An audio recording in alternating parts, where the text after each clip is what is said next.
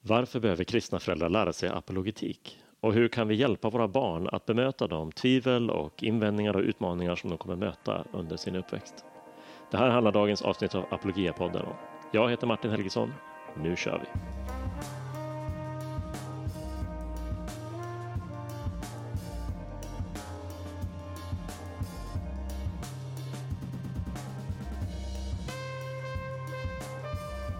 Välkomna tillbaka till Apologia-podden och till det här avsnittet som ska handla om föräldraskap och apologetik.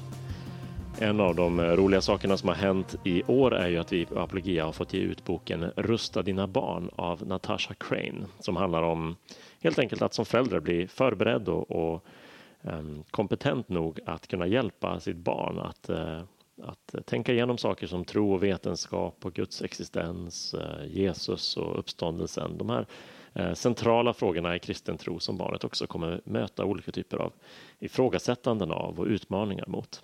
Det var otroligt intressant för oss på Apologia som utgivare att se vilken respons vi fick på projektet Rusta dina barn. Det började tidigt när vi gick ut med en crowdfunding-kampanj där vi gjorde det möjligt för människor att sponsra översättningen av den här boken och vi märkte en otroligt entusiastisk respons.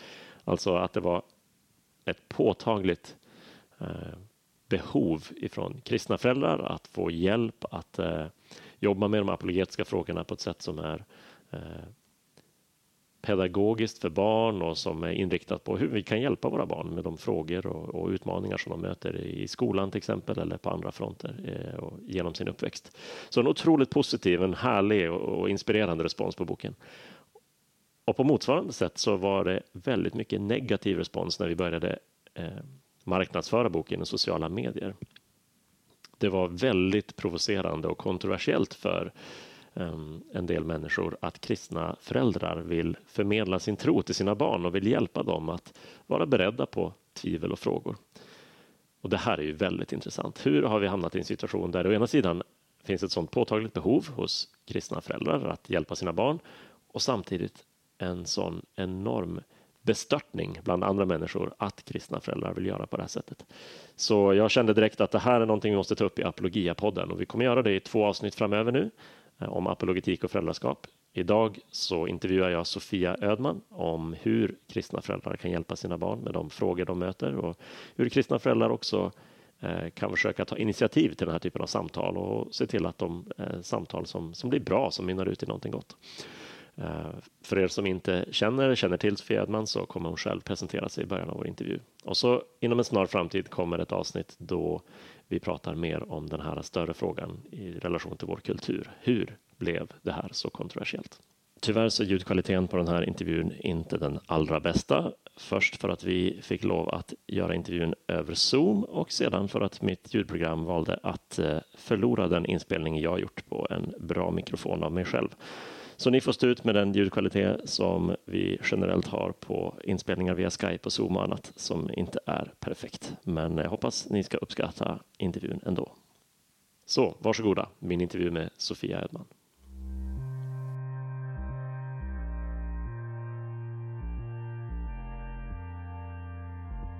Då har jag sällskap här över Zoom av eh, Sofia Ödman. Välkommen till Apologia-podden Sofia. Tack så hemskt mycket. För de av våra lyssnare som inte känner dig, eh, vem är du? Ja, jag brukar presentera mig som en saliggjord syndare. är min grundidentitet, eh, att jag är Guds barn.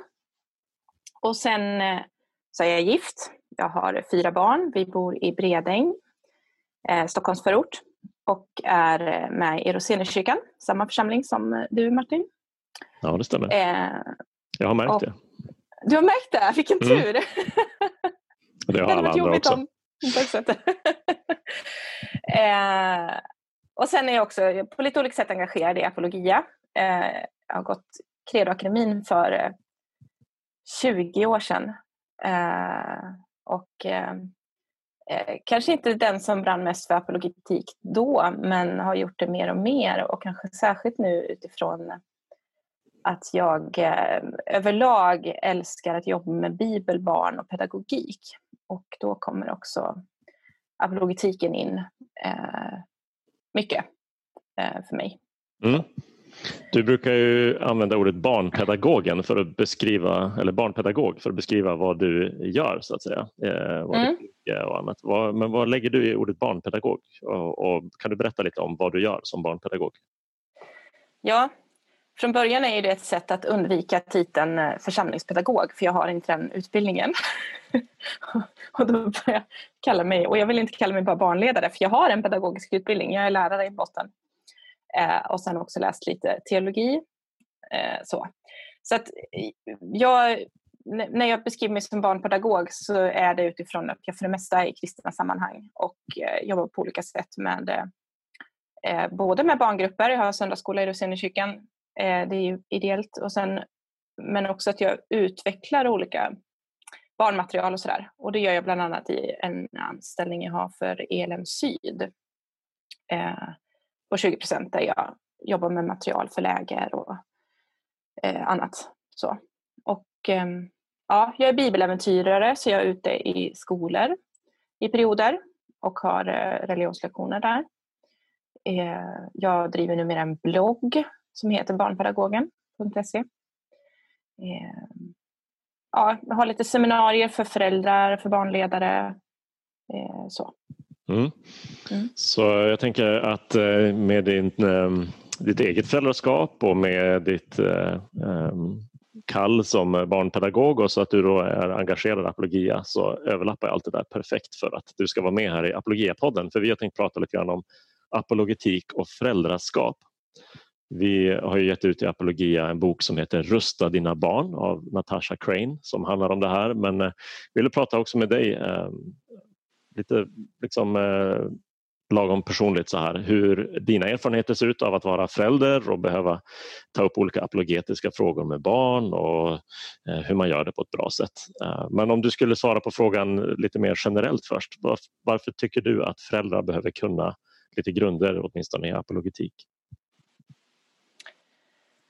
Um Ehm, jag tänker att som förälder så har man ett ansvar för sina barns fostran i allt. Liksom. Ehm, och, och jag, jag, tycker också att Bibeln är tydlig med att huvudansvaret för att barnen ska fostras i tron och växa i tron ligger hos föräldrarna.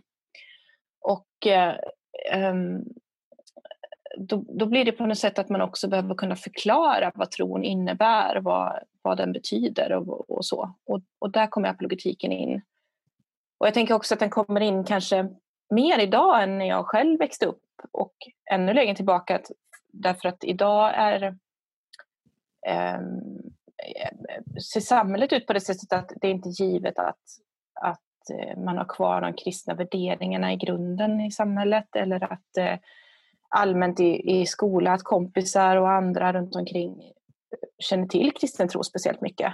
Och man möter ofta eh, åsikter och ställningstaganden som, som går stick i stäv med kristen tro. Så, så jag tror helt enkelt att barn har ett större behov av att tidigare idag förstå sig på sin, sin tro och få goda skäl för att, eh, för att tro på Gud och för att eh, Jesus kan ha uppstått och sådär. Att man är inte dum i huvudet när man håller det för sant. Liksom. Utan det finns goda skäl för det. Så det, på sätt och vis har det ju väldigt mycket att göra med varför ungdomar behöver apologetik men det har liksom krupit ner i åldrarna lite grann, många av de frågorna och, och kanske tidpunkten i livet när man utmanas eh, i skolan, eh, inte bara från klasskompisar utan också från lärare. Eh, eller hur? Det, det sker mm. inte bara vid högre utbildning nu kan man säga utan ofta ganska tidigt där antingen det är liksom direkta frågor eller eh, kritik eller mer i, i de på något sätt outtalade antaganden som, eh, som människor eh, uttrycker då, i skola, skolmiljö, både barn och vuxna. Mm. Ja, men precis. Och jag tror också att, att vi... Något som jag brinner för är att, att barn, barn förstår mycket mer än vad vi tror och har, liksom, kan liksom tänka kring eh, tron på Gud mycket mer än vad vi ofta eh, förväntar oss från dem. Liksom. Och då tänker jag att ju mer man har gjort så tidigt som möjligt så har man igen det senare. Eh, eh, att att liksom ge man dem kunskaper och förståelse som yngre på den nivån de är då i, liksom, i vad de kan förstås, så har man igen det när de blir tonåringar eller när de flyttar till en ny stad och börjar studera och möts av ett helt nytt sammanhang där de kanske inte har en, ja, men det, den åldern när man ofta prövar allting som man har lärt sig längs vägen. Har man då med sig kunskaper sen innan så är det större chans att man blir kvar i tron tror jag. Och såklart att man som förälder börjar den processen medan barnen eh, har ett, ett mer självklart förtroende för föräldrarna. Om man väntar mm. tills eh, om, om barnen eller ungdomarna kanske i tonåren ifrågasätter den tro de har vuxit upp med i hemmet ungefär samtidigt som de också har ett naturligt behov av um, liksom lite ökad distans eller självständighet i relation till sina föräldrar. Och om man inte har etablerat det förtroendet att prata om tron och, och eh, också apologetiska frågor så kanske det är svårare att bara liksom hoppa in från och börja från noll där då. Ja, men så precis. Det, så, det, så är det. Mm. Det är mm. viktigt att börja i tid. Eh, mm. Sen tänker jag att alla föräldrar har ju upplevt att eh, antagligen, åtminstone när man, när man har, om man har barn som är liksom någonstans mellan kanske fyra, fem, sex år gamla åtminstone så, så har man blivit ställd någon gång av någon fråga som är så enkel för ett barn att formulera men jättesvår för en vuxen att, att svara på. Mm om Jesus är Gud eller inte. Hur kan, och hur kan Gud också vara, eller hur kan Jesus då också vara människa? Och är det en eller tre gudar? Hur kan vi veta att Jesus har uppstått? Och vad händer med människor som eh, tror på andra gudar? Sådana där frågor kommer ju, upplever jag mycket tidigare än jag hade gissat innan jag själv blev förälder. Mm. Jag fick en fråga senast igår här om eh, har någon sett Gud? Och, och då, inte, då svarade ett annat syskon snabbt eh, ja, men Mose fick se Gud. Men, men eh, det första syskonet, de, ja, men alltså så här, nu för tiden är det någon som har sett Gud. Eh, och, och, och hur ser han ut i så fall? och det är inte så lätt liksom. Och, ja, men det finns de som har drömt och mött Jesus i drömmar och det finns de som har sett änglar. Men det här med att se Gud, vad innebär det? Och vad, liksom, är det Guds härlighet man ser? Ja, så den, eh, vi hade ett bra samtal men jag kände inte direkt att jag kunde svara på hur ser Gud ut i så fall? Det är ett, ett typiskt exempel på en sån fråga som, som är så enkel eh, ja. att formulera men, men svår att bemöta eh, både för mm. i relation till barn och vuxna. Varför ser man inte Gud tydligare? Så. Mm. Um, det var ju då ett jättebra exempel på frågor som, som dina barn har kommit med dig till. Eh, finns det andra sådana där typiska som gjorde att du fick upp ögonen för att oj, jag behöver förbereda mina barn för de här eh, liksom, frågorna de får i skolan ja. eller frågorna de själva kommer på. Om man ska ta tidiga åldrar så har ju en, en, redan på förskolenivå har det ju varit här hemma samtal om eh, förskolekompisar som inte tror att Jesus finns eller har funnits. Just det. Och, eh, och eh, att jämföra det med tomten. Jag hade ett eh, guldexempel en gång där då hade min man pratat med, med, med det barnet innan också. Det visste inte jag när samtalet uppstod med mig, men de hade haft en konversation förut. Och så försökte jag förklara för barnet att, ja, men, vad det finns för skäl för att, att, eh, att, alla, att alla seriösa historieforskare är överens om att Jesus har funnits. Och sen är det en annan sak vilken ställning man tar till vad han sa, vad han gjorde och vem han var. Och, så. och till slut, i slutet på det samtalet så sa ju min, mitt barn så här, ja, men, jag ska säga till min kompis att hon måste ha blandat ihop Jesus och tomten. Eh, så att liksom det här tomten finns inte men Jesus finns. Men hennes kompis tyckte ju tvärtom. Ja. tomten fanns men inte Jesus. eh, eh, så.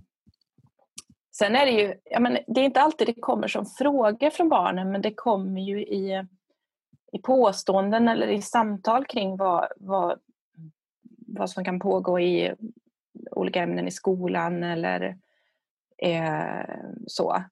Jag vet, det, var också, det var på lågstadiet redan som ett barn kom hem. De hade sett någon film om Big Bang-teorin.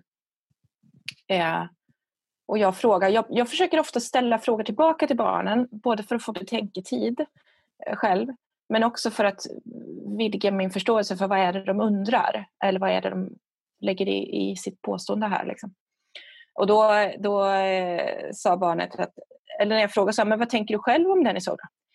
Jag tänker att Gud kan ju ha skapat Big Bang. Eh, ja, precis. Och, och någonstans där, och, och det räckte för den stunden. Det, var, det finns inget behov av att eh, varken Nej, men i, det läget tyckte jag inte det behövdes mer förklaring och jag behöver inte gå in på om det finns några problem med Big Bang-teorin och sådär för det var inte det som var huvudpoängen utan eh, barnet fick ihop sin världsbild kring Gud, att ja. Gud finns och eh, så. Um. så. Så ibland kommer barn till, till föräldrar med eh, med frågor eller de berättar att de har lärt sig någonting i skolan eller gjort mm. något i skolan till exempel eller något som en kompis har sagt och, och, de kanske inte själva har, har en fråga men man ändå uppfattar att här finns något att prata om. Men, um, jag tänker mig att det också finns ju tillfällen när man som förälder, precis som man gör på andra områden, tar initiativet till en diskussion om någonting eh, innan kanske barnet har tänkt på det eller för att man vet att nu närmar sig barnet en, en fas eller en utvecklingsperiod eller en, en, ny utbildningsnivå så att säga, högstadiet eller gymnasiet eller någonting och, och kommer mm. behöva lite mer avancerad eh, hjälp att, att tänka igenom olika saker. Hur, hur tänker du kring det? Vad, lite grann, hur kan man veta när det är läge och vad ska man tänka på när man själv mm. tar initiativet till att, att prata om, om tron men kanske mer den, de liksom apologetiska frågorna särskilt. Mm. Mm. Ja, vi har väl gjort, alltså i, i, vi har inte någon sån här fast tid som nu har vi frågestund. Det, det ger ju Natasha Crane exempel på i sin bok eh, Rösta dina barn. Att man, I deras familj brukar de ha en gång i veckan då barnen får ställa alla frågor de vill om Gud och tron och så. Ja, eh, och det tror jag kan funka jättebra. För oss har det mer varit att det dyker upp nu och då. Och, och det handlar om att man som förälder måste vara lite medveten. Det är ganska jobbigt att vara förälder. Man, man, man behöver, man behöver vara medveten. man behöver liksom vara medveten om vad som händer. Man behöver ta tag i saker när man är trött och bara skulle vilja göra något annat. Eh, och så. Men jag vet ett tillfälle, det var när jag precis faktiskt hade korrekturläst eh, Rusta dina barn. Så jag var lite extra på hugget, bara, nu, ska jag vara, nu ska jag vara med här om det dyker upp något i samtal med barnen. Och då, då satt vi och åt middag och barnen började diskutera om middagen var god eller inte. Eh, och det är, ju, det är ju ett exempel på någonting som man faktiskt kan få tycka olika om. Eh, det. Och det kan vara olika upplevelser. Och då, då, då högg jag på den och började prata om objektiv och subjektiv sanning. Eh, eh, och, Som ett sätt att introducera de, de orden då, och den liksom, ja, distinktionen ja, mellan objektivt precis. och subjektivt. Um, ja. Och då, och då spann något barn vidare efter ett tag för då hade de läst efter religion i skolan och eh, eh, jag tror att det blev att vi jämförde islam och kristen tro. Att man kan, båda kan inte ha rätt i sin syn på Jesus eh, och så. Just det. Um, så det är lite det här att lyssna istället för att bara gå på som förälder och tänka att nu har jag ett, en agenda här på vad jag vill att barnen ska ha så är det lite också att lyssna på vad pratar de om eller vad reagerar de på? Eh, eh, och vad händer? Vad tar de upp för saker i skolan? Det finns ju flera ämnen som, eh, som jag skulle önska att jag inte behövde ta så tidigt med mina barn kring eh, eh, eh, ja, men att nätpornografin kryper ner i åldrarna till exempel. Det är ju eh, att prata den, den sidan av, av eh, sexualitet skulle jag ju önska att jag inte behövde prata alls med mina barn om egentligen. Nej, visst. I, I idealfallet hade det inte varit ett problem. men men, liksom, ja, men man kan tänka så här, men okej när man kommer upp i 15-årsåldern, men nu är det ju så att, att genomsnittsåldern för pojkar att första gången stöta på nätpornografi är ju nere på runt 12 år, om inte ännu lägre. Och mm. då, då är det bara så att jag behöver förekomma och, och prata, inte bara nätpornografi, utan kanske prata till viss del om sex tidigare än vad jag skulle önska för att de ska få höra föräldrarnas tankar om det liksom, innan alla andra intryck kommer. Ja, precis. Um, men det är svårt, det är en jättesvår balans. Och, och där tror jag just att lyssna mycket på vad är det som pågår i barnens värld. Och att ställa frågor tillbaka till dem när de säger något så att jag förstår vad det är de frågar så jag inte ger dem ett större paket än vad de frågar efter. Nej, för det är den, den, stora utmaningen tycker jag för att få till de här, inte för att få igång samtalen men kanske veta vilken roll jag har att ta initiativ kontra att, att svara på frågor och, och när jag vill informera mitt barn om någonting, vad som är rimligt utifrån ålder och vad kan, hur mm. mycket kan de ta in. där är ju, eh, det där är en utmaning. Om jag får ställa en konkret mm. fråga då, just kring den mm. apologetiska, för det finns ju de här då med, med sexualitet och olika saker som, är, som så naturligt kommer upp i barnets, eh, av barnets egen utveckling och det, kanske, det har apologetiska dimensioner absolut, eh, men, mm. men fler aspekter. Om man tänker mm. kring apologetik och att kristen tro är sann och så, skulle du tänka att en förälder Eh, tar initiativ till att förklara för barnet kanske invändningar mot kristen tro innan barnet har hört om det eller kan man liksom för på vilka förebyggande saker är bra, tänker du? Eh, för en del kommer då upp naturligt, barnet tar upp det, min lärare sa det här, min klasskompis sa det. Vilka, kan du nämna några så nyckelgrejer som du tycker är viktiga att ta förebyggande som förälder? Um, ja, men dels tror jag det jag nämnde förut är att, att Jesus har funnits. Ja. Att den akademiska historiska forskningen, forskarvärlden, där är man överens om att Jesus har funnits. Eh, det är ytterst få som, som säger emot det idag. Men däremot i skolan så är det inte givet att, att det synsättet finns. Eh, att det är inte alltid liksom forskningsrönen kommer ända vägen ner till lågstadieskolbänken. Liksom, så. Eh, så det har varit en sån fråga. Och en annan sak som jag tycker är viktigt är också att prata om att eh, ja, men både ta upp icke-kristna, alltså ateistiska eller islamska eller alltså andra perspektiv från andra världsbilder, men också ja, uttrycka att kristna kan tänka olika.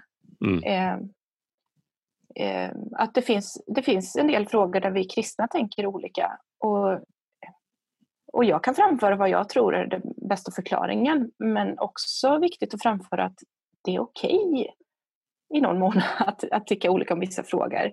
Eh, det, det finns en kärnfråga som är eh, att Jesus är Guds son, att han är enda vägen till Gud och så som man inte eh, kan tumma på för att hålla sig kvar inom den, den kristna trons kärna. Men det finns många andra frågor där det faktiskt, ja, här är Bibeln inte helt tydlig. Det är jättemånga som har tänkt kring det här. Eh, och så. Och det var ju, men det vet jag var någon fråga någon gång. Eh,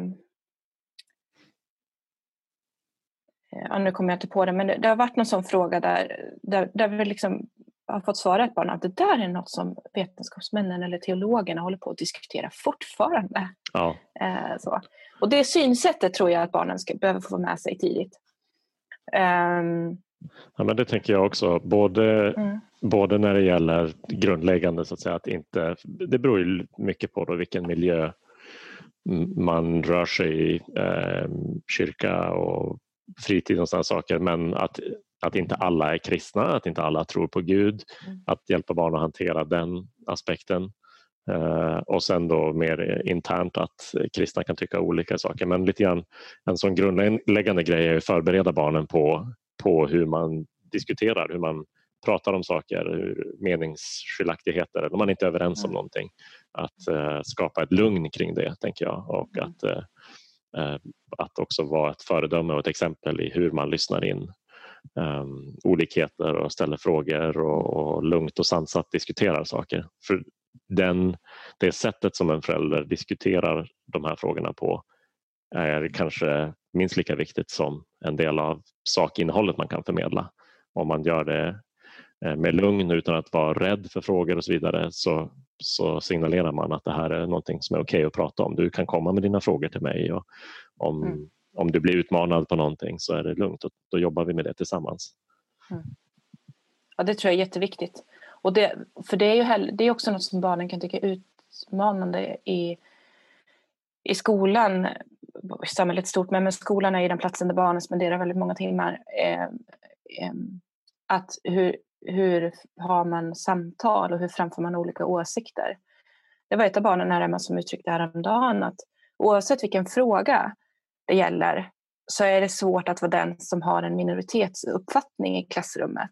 Ja, så att finns det en majoritet som står för en viss åsikt så så är det inte bara tufft att liksom gå emot det rent principiellt utan det är också man anses som lite dum om man har en annan uppfattning. Ja. Eh, och, och, det var verkligen inte bara kristna frågor, det kan vara alla möjliga frågor. Eh, och, och där tror jag verkligen vi behöver odla en kultur, samtalskultur. Eh, att vi föräldrar har ett stort ansvar att, att ge våra barn eh, stöd i hur pratar man och hur pratar vi med varandra och hur kan ni bära vidare det till andra eh, och prata på det sättet med era kompisar. Mm. Mm. Ja, men så vi har pratat lite om, eh, om exempel på frågor som dina barn har kommit med dig till, frågor som du har tagit initiativet till att, att diskutera med dina barn. Uh, och vi har varit inne på det lite grann, men vad är liksom de viktigaste komponenterna, beståndsdelarna i ett samtal som, som blir bra, tänker du? Där, där det här samtalet mynnar ut i liksom att barnet kanske lär sig någonting men också känner oh, den här sortens samtal vill jag ha fler av. Mm. Eh, ställa frågor har du nämnt och vikten av att lyssna och inte bara liksom dundra på. Är det, är det fler saker som du tänker är, det här är på något sätt allmänna grunder i att som förälder kunna göra de här diskussionerna riktigt bra?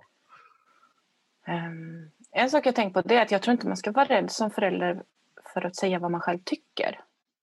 Uh, alltså att, att uh, men, men inte göra det på ett sätt som att du måste tycka likadant. Men, men uh, ibland blir vi lite rädda för att påverka våra barn och vi får ibland höra att vi inte får påverka våra barn.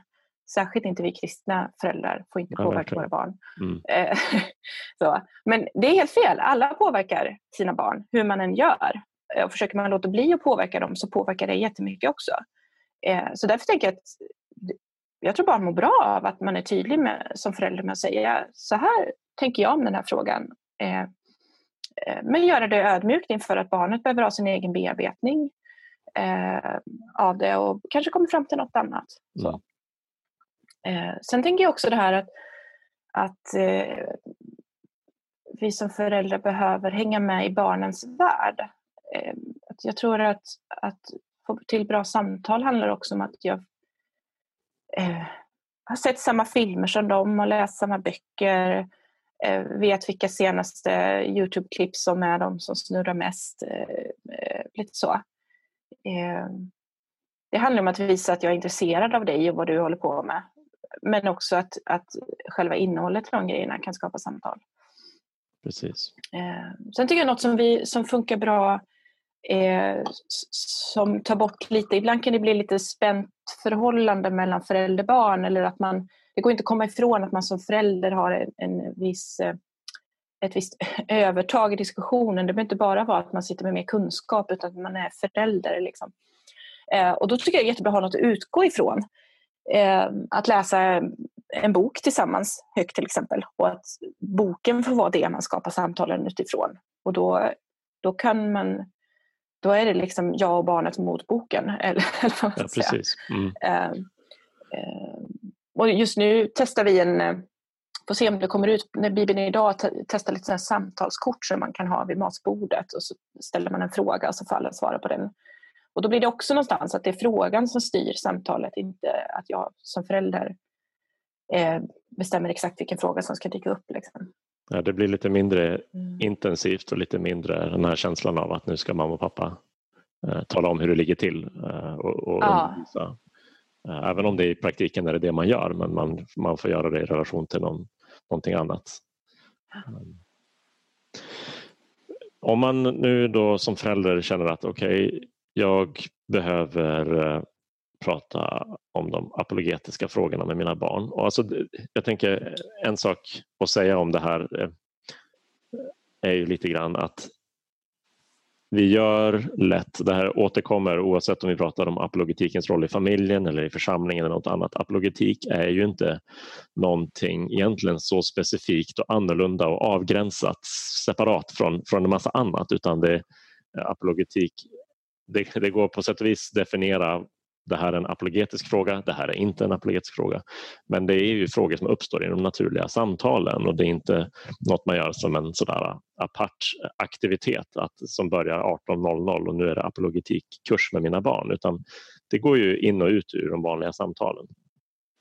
Men det jag ville komma till var om, om man som förälder känner okej okay, det här är ändå ett antal frågor där jag är lite dåligt förberedd och, och, men jag inser att mitt barn har behov av det, jag behöver ta initiativ och jag behöver vara kanske lite lyhörd för de gånger då det finns ett, ett upplägg för att prata apologetik. Var ska man börja? Är det några särskilda eh, knep eller tips sådär, som du vill ge eller verktyg, resurser, material? Um, mm. Hur börjar man egentligen om det här är helt nytt för en som förälder? Ja, precis. Jag tänker först en sak som lite har att göra med att skapa bra samtal också är att det är alltid okej som förälder att säga jag vet inte, men vi kan ta reda på det. Eller vi kan ta reda på det tillsammans eller jag kan ta reda på det. Um, för man måste verkligen inte kunna allting som förälder, men man måste ta sina barns frågor på allvar. Uh. Och då tänker jag att ska man, ska man välja... Böcker är ju väldigt bra ja. Eh, för att eh, man läser dem i sin egen takt och man, man hinner tänka efter och man kan välja. Lite så. Och någonstans ska man, om man som förälder känner så att jag har inte all tid i världen och inte all ork, jag kanske inte älskar att läsa apologetisk litteratur. Eh, eh, då skulle jag verkligen säga att Natasha Cranes Rusta dina barn, det är liksom grundboken för eh, att som förälder eh, stärka sig att prata med sina barn om de här frågorna. Ja, det jag gillar med den är att den, den är bred och enkel men den är också så att säga, nischad lite grann mot de frågor som kommer komma upp i föräldraskap eller som barn möter i skolan och så. Det är inte en bok som försöker svara på allt men som hjälper en just med de saker där man kan räkna med att barnet kommer bli utmanat och, jag som förälder kommer behöva vara, vara en hjälp för barnet. Ja men precis. Så det är någonting man läser som förälder för att liksom mm. få lite grundkunskaper och så. Mm. Uh, vilka andra typer av resurser finns det? Saker man kan läsa med um. sitt barn? För vi nämnde att det ibland är en bra, ett bra sätt. Mm. Och då har ju eh, Pärlan förlag kommit ut med hittills två böcker av Liz Strobel Eh, det var han, han, journalisten som blev kristen genom att försöka slå hål på kristen tro. Eh, ja, precis. Fallet Jesus och, och de här böckerna som ja. har funnits ganska länge. Och nu finns det två för barn än så länge. Fallet Jesus för unga och Fallet Mirakel för barn. Okay. Eh, och där har vi läst högt den första av dem eh, med två barnen här och det, det funkar jättebra. Och den kan också barn läsa själva. Eh, och, och trivs man bättre med det så kan ju barnet läsa och så kan jag som vuxen också läsa och så kan man eh, eh, prata sen. Eller den vuxne läser vuxenvarianten av boken och barnet läser barnvarianten. Så. Just det. Eh, Pärlan förlag har också på gång en till eh, eh, Warner, J. Warner Wallace eh, som är kriminal eh, ehm, detektiv, eller på säga, kriminalinspektör. Ja. Som också har blivit kristen i vuxen ålder utifrån att han likt en kriminalare undersökte tron. Och då först skrivit böcker för vuxna men också för barn. Och det kommer snart en som heter Kristendomen bevisad. Jag har läst den på engelska och vet att den är också väldigt bra. Mm. Eh, hur, hur stora barn tänker vi generellt med tipsen hittills då att läsa de, de här böckerna? Båda de, båda de tänker jag är ungefär 9 till 12. Nu har jag läst för 7 och 11-åring här hemma. Eh, högläsning. Men ska man läsa själv kanske det är 8-9 år. Det beror lite ja. på vad man är i sin läsning. Så. Sen så om man är lite äldre eh, så tycker jag att eh, Ateisten som visste för mycket av eh, Andy Bannister som kom ut för ett par år sedan på Apologia. Eh, den funkar bra för tonåringar. Antingen eh, skulle säkert funka bra att läsa själv men vi har högläst den också för vårt äldsta barn. Eh, den är mycket humor i den och det är liksom en, en lite ja. så här pratig och rolig ton så den flyter ja, på väldigt precis. bra. Torr engelsk humor och man måste läsa alla noterna för det där det roligaste står. uh, så den funkar bra. Um, vill man ha lite mer, lite halvt att ens tonåring kan läsa och att man själv kanske vill få lite kort snabb sammanfattning av eh, de stora apologetiska frågorna så är ju Tobias Sunnerdals eh, handbok som kom ut också. Nu kommer jag inte ihåg titeln på den. En liten handbok eh, och så vidare. Den har en lång titel. Ja, precis. Eh, också väldigt bra grundbok. Ehm, sen om man släpper böcker eh, och tänker på andra bitar så ehm, jag skriver på min blogg ibland, försöker skriva lite om hur det kan uppstå, uppstå samtal och så hemma hos oss. Mm, och där tänker jag att... Påminner om barnpedagogen.se. Ja, precis. Eh, och det finns poddar. Eh, att bara det här, för det är också något som förälder, att det inte alls är lätt att sitta och läsa en bok. Men att lyssna på Apologia-podden eller eh, leta på apologetiska poddar. Det finns ett par andra på svenska. Det finns några Det finns en podd i USA som heter Mama Bear Apologetics eh, där man pratar just ur föräldraperspektivet hela tiden. Men eh, väldigt gedigen eh, podd. Så. Ehm, Natasha Crane har ju blogg och, och eh, hemsida och så också. Så där är det lite så att, att eh, Eh, leta lite sånt. Eh, och så hoppas jag att det kommer mer litteratur, både som barn kan läsa själva och som man kan läsa som vuxen. Ehm. Ja, en av sakerna vi märkte när vi eh, gick ut med att vi ville översätta eh, den här boken eh, som då eh, blev på svenska Rusta dina barn var ju att det finns en, ett skriande behov och efterfrågan bland kristna föräldrar på det här. Så egentligen så, så tror jag inte vi behöver övertyga så många om att det här behovet finns. Det handlar mer om att, att hjälpa att fylla det och möta det. Mm. Eh, så det är kul. Eh, det, det, är en del av det allmänna eh, på något sätt apologetiska uppvaknandet som vi här i Apologia har fått märka de senaste 10-20 åren att, att församlingar men också kristna allmänhet och nu då föräldrar upptäcker att ja, här finns ju ett skriande behov av, av kunskap och av, av sätt att omsätta den kunskapen i praktiken. Sådär. Mm. Det, men det är jättebra, tack för alla de tipsen. Du har ju en, en bättre överblick över de här, det här materialet än de flesta av oss andra. Så tack för det. Eh, är det något sista eh, sådär, slutord eller slutkläm som du vill förmedla till föräldrar som känner att okej, okay, apologetik med mina barn, det låter svårt men kanske något jag ska satsa på? Ja, alltså ta hjälp av andra. Jag tänker att föräldrar att vi föräldrar pratar med varandra men också eh, i församlingsgemenskap att man tar, drar nytta av att det finns andra vuxna, inte bara föräldrar. Liksom, som eh, man, man som förälder kanske hämtar hjälp av men också som barnen kan få saker av. Så jag tänker att det, det, familjen är inte en egen liten ö utan finns i ett sammanhang. Eh, eh. Och sen tror jag också en sak som, som då på ett sätt inte är apologetik men som ligger i grunden någonstans det är ja, men läs Bibeln tillsammans. Um, så att man har något att utgå ifrån. Eh, ehm, ja, det är väldigt grundläggande och det, det, märker man ju att eh, om man bara ger eh, utrymme för det och signalerar att det är okej okay, så kommer barn ställa massor av frågor när man läser bibelberättelser och en hel del av dem kommer vara åt det apologetiska hållet. Var det här okej okay, det som hände i berättelsen? Varför gjorde du så? Hur kan vi veta att det där har hänt? Och, mm. Massa saker som, som kanske antingen är omedelbart och uppenbart apologetiska eller saker som leder in på, på frågor där vårt sätt att, att prata om det och så blir en del av det som stärker barnens tro och övertygelse och hjälper dem att hantera sina frågor. Och så. Så det är jätte, jätteviktigt. Eh, man kan knappt kalla det ett tips men det är liksom en grundläggande del av det att man också läser Bibeln och pratar om den tillsammans. Ja, och det behöver inte, det behöver inte vara så, börja i det lilla, det behöver inte vara så eh, bibelläsning, just nu här hemma har ju yngsta sonen själv kommit in i rutin att jag och han ska läsa lite bibel varje morgon vid frukosten och då vi plöjer vi barnbiblar.